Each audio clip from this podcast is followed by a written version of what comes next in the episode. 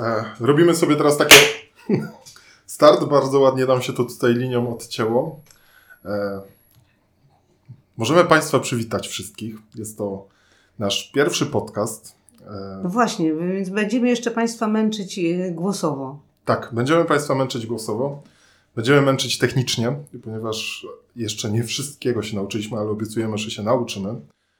Cały czas myśleliśmy nad nazwą. Ostatecznie stanęło nam na psitulowych pogadankach, ale wybieraliśmy e, z głosu psitula, psi głośniku, Spod ogona. spod ogona, podcast na cztery łapy. A Jednak co z pieskami, które mają trzy, albo o ptakach? Więc No tutaj właśnie. to jak gdyby nam się nie udało. No i ostatecznie zostały nam tutaj psi, psitulowe pogadanki. Ale gdyby Państwo do nas napisali i mieli jakiś lepszy pomysł, to zawsze jesteśmy się w stanie z, tego, z tej nazwy wycofać i dać coś nowego. Oczywiście, czyli nazwa pozostaje rzeczą płynną, tak jak nasze umiejętności techniczne. I cóż, pozostaje nam jedynie właśnie przejść do naszego głównego tematu, którym dzisiaj są sterylizacje i kastracje kotów wolnożyjących. Jako, że wiosna. A Jako, wiosna nam wiosna. się kojarzy e, z kotami, które nawołują kotki i które się kłócą między sobą i strasznie głośno potrafią w nocy hałasować. To już od wielu, wielu lat tak nam się to kojarzy, bo program w Zabrzu jest już prowadzony od ilu lat? No Właśnie możemy się pochwalić, bo właściwie w 2001 roku to z tego co y, ja wiem, to tylko Wrocław i my prowadziliśmy gminne programy sterylizacji. E, I tu należy y, powiedzieć, że przekonaliśmy wszystkich, że jest to potrzebne, a to proszę Państwa wcale nie było łatwe, bo w tamtych czasach sterylizacja i kastracja wcale nie była taka modna jak teraz. E, I wręcz spoty- spotykaliśmy się z takimi aktami prawie że wrogości nawet ze strony ludzi, którzy, którzy zajmują się, a może właśnie szczególnie ze strony ludzi, którzy się zajmują e, kotami i karmieniem na przykład kotów wolnożyjących, ponieważ było to wbrew naturze. Jakie wbrew naturze, jak to my zmieniliśmy kompletnie naturę i właściwie w tej chwili nikt nie żyje normalnie i naturalnie, więc jesteśmy odpowiedzialni za to, że w tej rzeczywistości, w której żyją te koty, to właściwie to one tak nie mają takiej ani swobody, ani takiej możliwości przetrwania jak dawniej. No tak, ale czyje właściwie są te koty?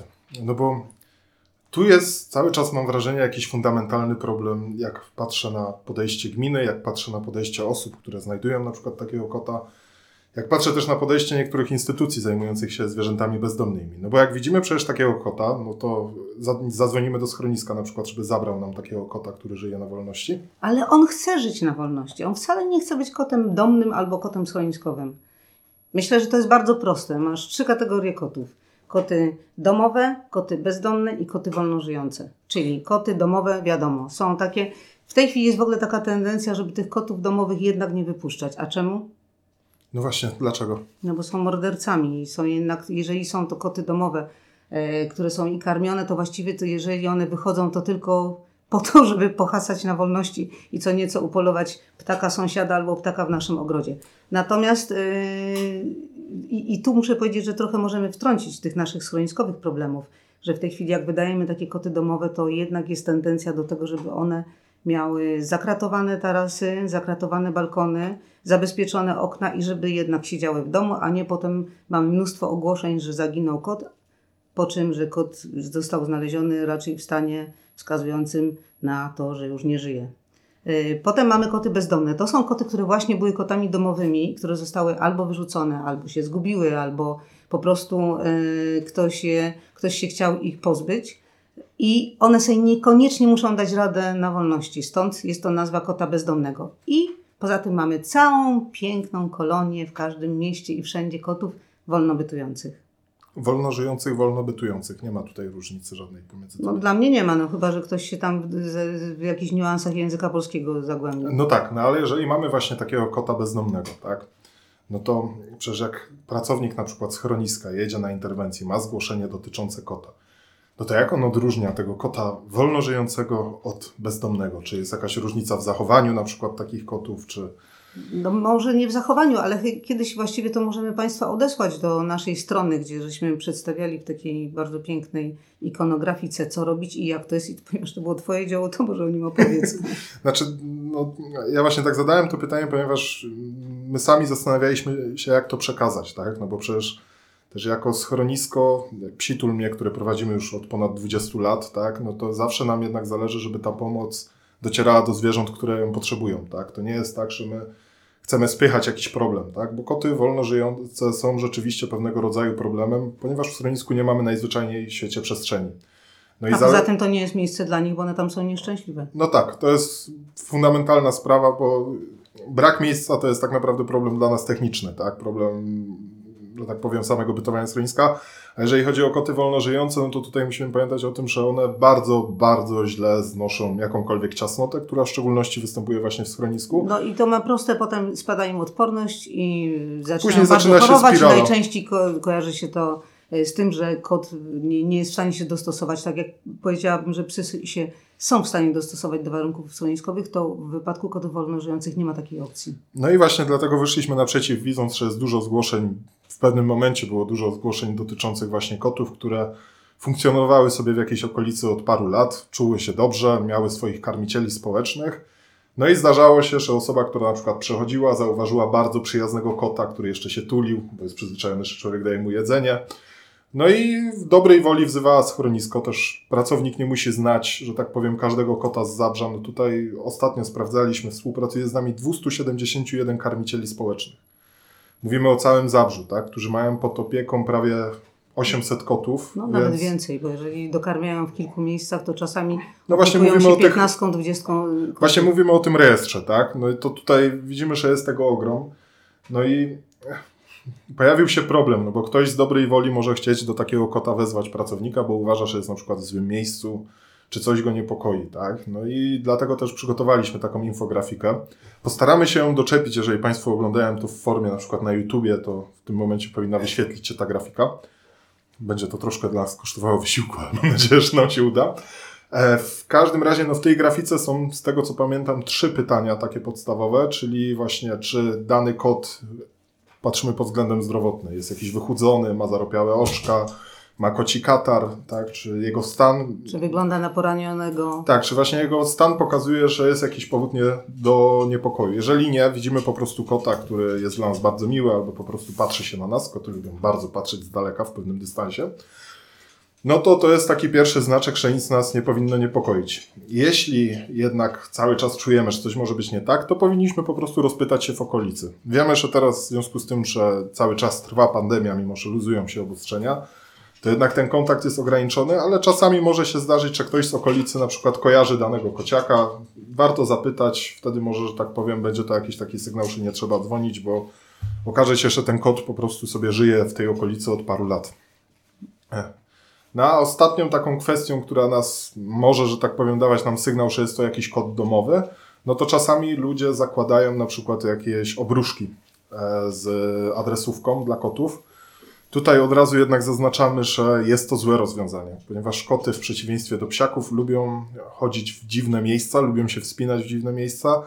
No i niestety w przeszłości bywało już tak, że później taki kot potrafił się zaczepić swoją obruszką i zostawał w niej już na stałe. No a druga rzecz, druga rzecz, że na przykład jeżeli chcemy niby odstraszać, yy, znaczy straszyć ptaki, żeby nie, nie stawały się łupem kotów, to też jest to ten dzwoneczek, który jest, no jednak weterynarze są temu bardzo przeciwni. Lekarze weterynarii twierdzą, że dźwięki, które wydają takie dzwoneczki, yy, uszkadzają wręcz słuch kota i jest to dla niego nieustannym cierpieniem.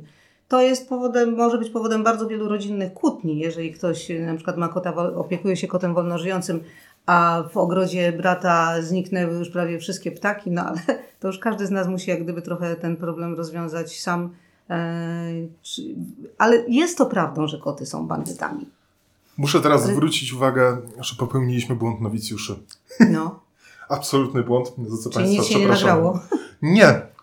Nie przedstawiliśmy się. No właśnie. No właśnie, to może po tych 10 minutach robimy taki stop. Jeżeli ktoś wytrzymał. Jeżeli ktoś wytrzymał i robimy powrót do początku, a więc może zaczniemy od pani prezes, żeby się nam tutaj pani prezes przedstawiła. Danuta Mikusz Oslislo, y, Towarzystwo Opieki nad Zwierzętami w Polsce, oddział w Zabrzu i jestem od kilku lat prezesem, no wielu lat prezesem oddziału. Od 1998 roku, jeżeli mnie pamięć nie myli. Ale miałam kilka prób wyjścia, także to nie jest tak, że trzymam się kurczowo stanowiska. Tak, w przeciwieństwie do niektórych zarządów w niektórych organizacjach nie mamy wiecznych prezesów. E, wybory u nas odbywają się demokratycznie i jest to rzeczywiście wola naszego oddziału, tutaj potwierdzam. To mówiłem ja, Michał Bizuk. E, ja jestem z kolei inspektorem, jak się już wcześniej przedstawiłem, Michał Bizuk, jestem inspektorem Społecznym Towarzystwa Opieki nad Zwierzętami w Polsce. E, działam u nas w oddziału w Zabrzu. Kiedyś część z Państwa, pewnie słuchających nas wolontariuszy z Psitula, mogła mnie widzieć w Psitulu. E, teraz zajmuję się bardziej tutaj naszą pracą taką biurową, papierową. Niemniej jednak zdarza mi się I właśnie też. poszukiwania, poszukiwania projektów, które pomogłyby nam realizować coraz to nowe cele, które sobie wymyślamy. Tak, I właśnie Państwo są niejako troszeczkę przeze mnie tutaj skazani na słuchanie tego, ale wierzymy, że wszyscy z własnej woli są dalej z nami i wybaczą nam to, że się z opóźnieniem przedstawiliśmy. E, obiecujemy poprawę w przyszłych odcinkach, ponieważ formuła jest taka, że rzeczywiście planujemy zapraszać różnych gości i będziemy starali się właśnie robić też ciekawe tematy. Rozpiskę mogą Państwo znaleźć w opisie pod tym odcinkiem, jakie tematy będą następne. Jednak wracając teraz do meritum, jak to w każdym Czyli profesjonalnym programie, e, pozwolę wrócić na temat kotów wolnożyjących. To teraz przechodząc do jednego z najbardziej polskich pytań, jakie można zadać. Kto za to zapłaci? Kto płaci za sterylizację? Kto płaci za kastrację kotów? Kto płaci za leczenie kotów wolnożyjących? E, Państwo i gmina. Znaczy państwo jako wy, czyli darczyńcy i gmina. Dlatego, że my między innymi jak e, w ogóle prosimy o pieniądze dla nas, to prosimy bezpośrednio na to, żeby funkcjonować w schronisku i żeby dać naprawdę jak najlepszy poziom opieki dla zwierząt, które są już pod naszą opieką w schronisku, ale także po to, żeby zapobiegać mm, bezdomności zwierząt w szeroko pojętym e, znaczeniu, czyli również poszerzaniu się tej nieustannej kolonii kotów wolo- wolnożyjących wszystkim, e, wszystkich tych, które, które są na terenie całego miasta. E, I po to też prowadzimy różne akcje edukacyjne, bo to zawsze w rezultacie daje bardziej świadome e, społeczeństwo, lepszych obywateli i mniej e, zarówno aktów okrucieństw, jak i tego, że ta opieka nad zwierzętami jest prowadzona nieodpowiednio. A gmina, dlatego że są po to stworzone te programy gminne i powiedzmy, że ten e, u nas w Zabrzu, e, tak jak się chwaliliśmy, że jest od 2001 roku, natomiast to, czego nie jest w stanie gmina, bo gmina ma bardzo określone małe fundusze na to. No, niektóre gminy mają więcej, niektóre mniej. Powiedzmy, że w Zabrzu w tej chwili my mamy, my mamy dostajemy 40 tysięcy rocznie, jeżeli wygramy konkurs.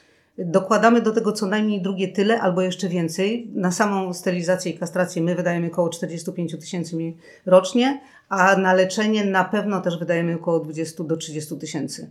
Dlatego, że e, jeżeli już zbieramy kota i ten kot wolno bytujący do nas trafia, a jest on wymagający pomocy weterynaryjnej, no to go nie zwrócimy, nie, nie, nie, nie, damy go do, z powrotem e, do jego dzielnicy chorego, tylko jednak ponosimy koszty tego leczenia plus koszty sterylizacji i kastracji. Pytanie jest, po co to w ogóle się robi, prawda? Dokładnie. Ale pytanie jest dla mnie proste. To się robi zarówno dla ludzi, jak i dla samych tych kotów, dlatego że e, jest to najlepsza rzecz, jaką możemy dla kota zrobić, to jest go wykastrować albo wysterylizować. W wypadku kotek nie jest narażona ani na y, wszystkie uciążliwości związane z y, porodem, z połogiem, nie jest narażona na choroby, które, które spotykają y, zarówno kotki, jak i jak, No, jak i ropomacicze. Jeżeli chodzi o, kocu, o, jeżeli chodzi o kocura, to e, po pierwsze, że się tak nie włóczy, nie bije się z innymi kotami, czyli nie jest w totalnym amoku i nie wpada tak często pod koła samochodu i nie ginie w sposób, w sposób tragiczny. A druga rzecz, że się po prostu nie rodzą te niechciane kocięta, z których duża część w ogóle nie dożyje wieku dorosłego, jest narażona na okropne choroby, e, między innymi przez to, że są albo niedożywione, albo żyją w takich warunkach, a nie innych. Nie giną też w zębach e, ps- psów e, nie są męczone przez nikogo, a wiemy z coraz więcej, większej ilości zgłaszanych aktów okrucieństw do, do towarzystwa, że po prostu widzimy to w mass mediach, jak potrafią ludzie się, łącznie z dziećmi i młodzieżą, obchodzić ze zwierzakami, czyli jak gdyby e, powodujemy to, że ta populacja kotów pozostaje zdrowsza i szczęśliwsza. No tak, tylko właśnie tutaj już w pewnym momencie pojawił się ten taki drobny argument tak zwanego ładu naturalnego, tak, no bo jest pewne takie wyobrażenie, nie jestem osobiście jego fanem, ale jest to dosyć, mam wrażenie, powszechne wyobrażenie u nas y, w społeczeństwie, że przecież no koty wolno żyjące, one są niezależne od człowieka, tak, i nie powinien człowiek ingerować ich życie, ponieważ one są wolne od człowieka, wolno żyją.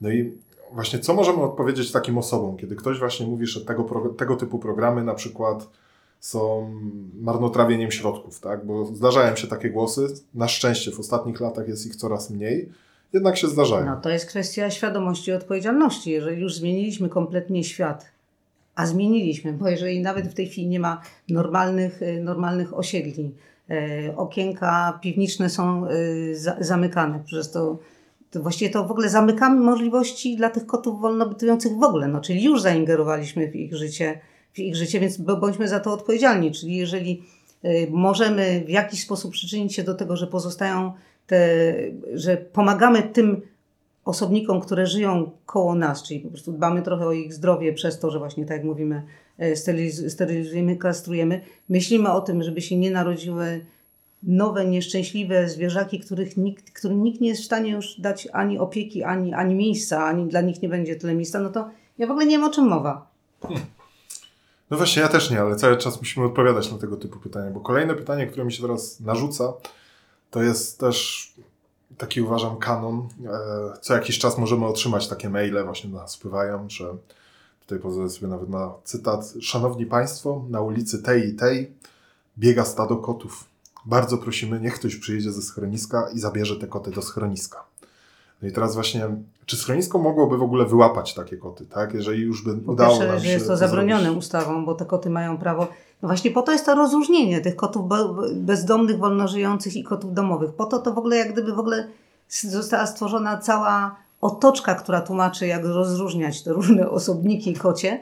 E, poza tym już przypomnijmy sobie, ty jesteś za młody, nie pamiętasz, ale jak była powódź we Wrocławiu, gdzie wyginęły koty, to się okazało, że plaga, e, plaga szczurów nastąpiła bardzo, bardzo szybko. Czyli te koty jednak są częścią ekosystemu i one regulują z kolei e, populację gryzoni, co nie jest bez znaczenia, bo to gryzonie roznoszą najgorsze choroby i wszystkie dżumy i różne inne okropieństwa. No, trudno powiedzieć o covid bo to nie, bo to nie akurat, nie akurat ta pandemia, ale potem sprowadzano do Wrocławia koty z innych województw, żeby je na nowo odbudować. Czyli jeżeli mamy wokół siebie, zresztą ja to wiem po własnej piwnicy, że jak miałam taki okres, kiedy nie było kotów, które tam mieszkały, to któregoś dnia patrzę przez okno, a tu idzie piękna rodzina szczurów.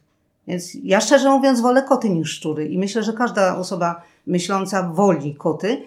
I fajnie, jeżeli tych kotów jest mniej, są zadbane. I tutaj jest duży ukłon w stosunku do karmicieli, którzy potrafią współpracować z mieszkańcami na przykład danego bloku, że jednak to miejsce do karmienia kotów jest wytyczane, jest sprzątane E, I jak gdyby wszyscy, wszyscy są bardziej, wszyscy są zadowoleni, dlatego że e, te koty, które wokół nas żyją, nie kolidują z naszym normalnym życiem i nie przeszkadzają nam do tego stopnia, a jednocześnie są.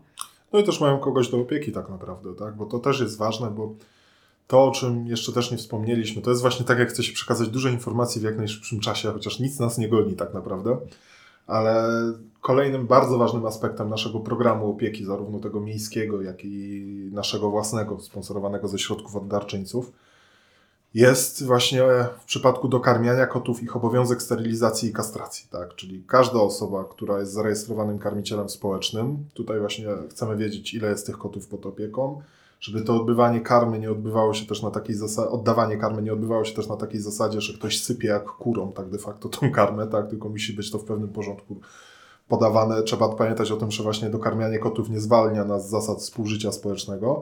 No i tutaj podstawowym naprawdę warunkiem jest dokarmianie kotów wysterylizowanych i wykastrowanych. I to jeszcze jedna jest bardzo ważna rzecz, o której, którą też przerabiamy i która no, była powodem kilku dosyć nieprzyjemnych sytuacji My po to robimy ten program, żeby te koty, które są wykastrowane i wysterylizowane, wracały do swojego środowiska. Czyli nie po to je zabieramy z ulicy, żeby je potem udomawiać i wciskać komukolwiek, e, kto się, za, kto się zajmie kotem, którego zgarnęliśmy e, z tej czy innej ulicy, tylko chodzi o to, żeby on tam wrócił. I tutaj czasami mieliśmy problem z niektórymi karmicielami, którzy właściwie pojmowali to, ok, wyłapiemy wszystko, wystylizujemy, znajdziemy domy dla tych kotów i nagle się okazało, że w to samo miejsce przychodziło pięć następnych.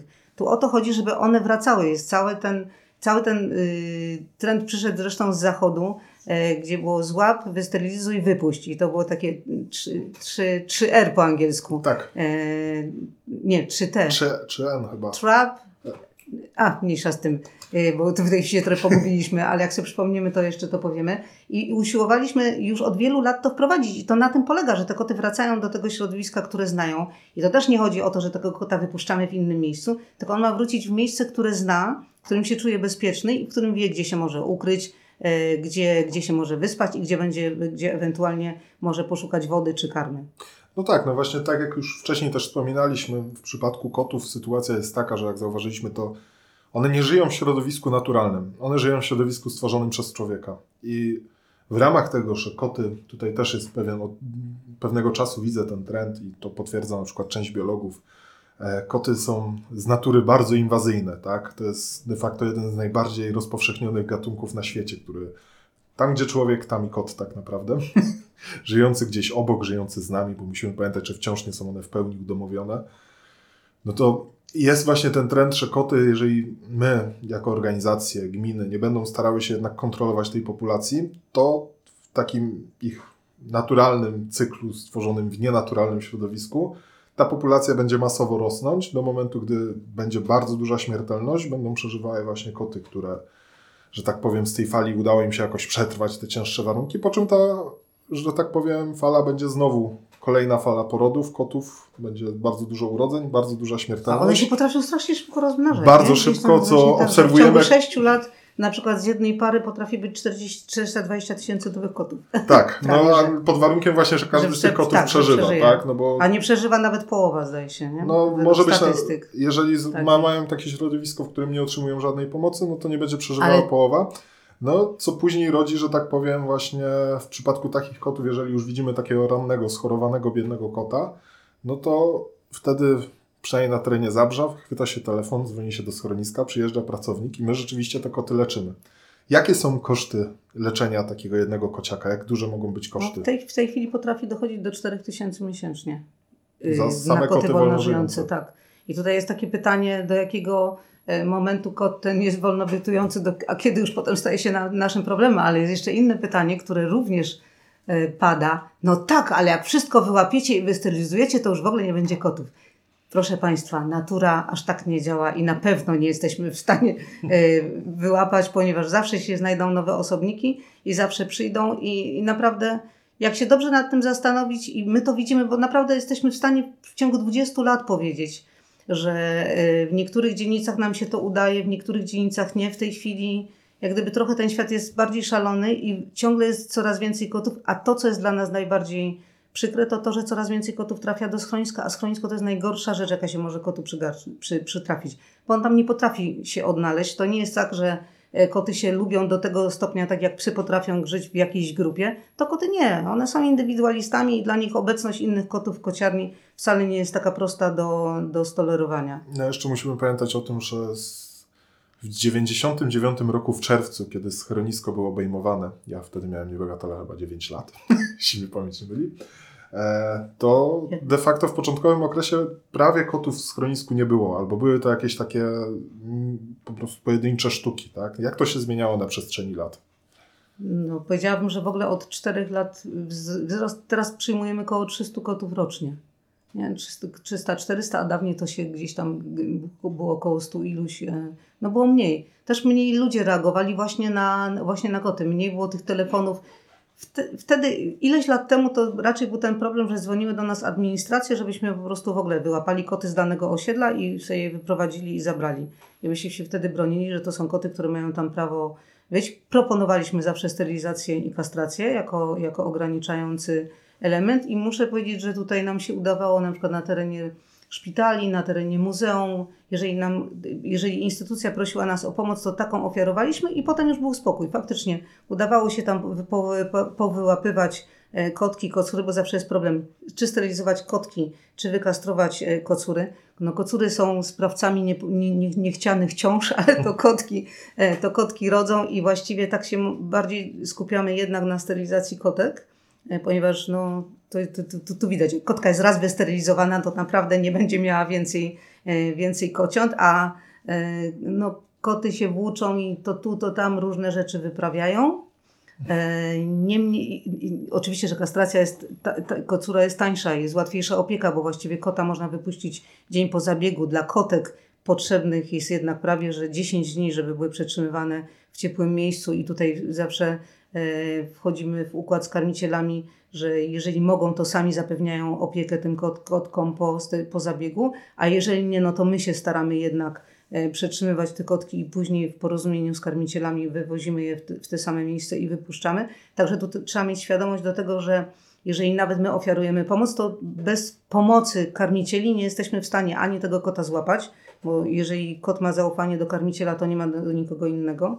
E, I możemy najwyżej poinstruować i pomóc, pożyczyć klatkę, e, w taki sposób jakoś ułatwić ten zabieg, ale potem ta opieka też musi być jako, jakoś zapewniona albo przez karmiciela, albo przez nas. I tak robimy.